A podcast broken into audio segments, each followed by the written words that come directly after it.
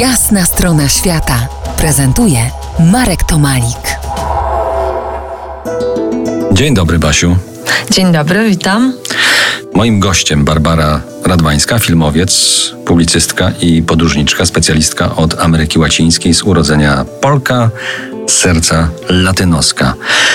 Co roku zimę spędza w swojej ukochanej Argentynie lub innym kraju Ameryki Łacińskiej.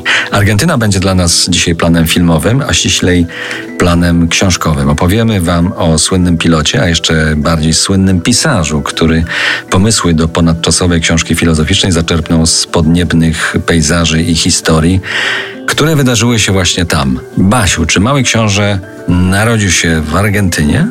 Moim zdaniem tak i zrobię wszystko, żeby to dzisiaj udowodnić.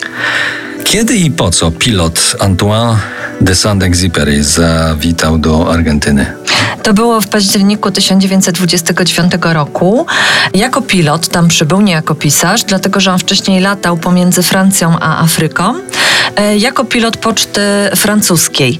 E, I Francja wysłała go do utworzenia takiej nowej właśnie poczty lotniczej Argentyny e, w celu otworzenia korytarzy powietrznych, bo Argentyna była młodym krajem i trzeba tam było właśnie otworzyć dopiero korytarze powietrzne pomiędzy stolicą kraju Buenos Aires a Chile, Paragwajem i Patagonią argentyńską. Exupery latał również y, nad Andami i to, i to nocą latał. Tak, tak, nawet jest o tym y, jego książka, taka powstała autobiograficzna, prawie że autobiograficzna, która się nazywa Nocny Lot. Czytaliśmy? Tak, tak, przepiękna książka. Podczas gwałtownej burzy w Andach y, zaginął podczas lotu jego przyjaciel, którego sportretował w innej książce. Książka nazywa się Ziemia, planeta ludzi.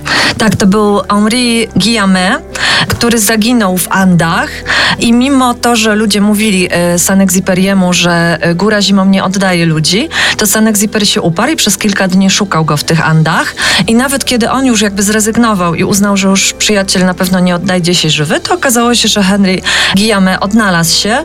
Po tygodniu udało się mu nawet przejść trzy przełęcze górskie. To był w ogóle jakiś cud, to, że mu się udało. Za kilkanaście minut powrócimy do opowieści o słynnym lotniku pisarzu Exuperym. Spróbujemy rozszyfrować patagońskie tropy Małego Księcia. Zostańcie z nami po jasnej stronie świata.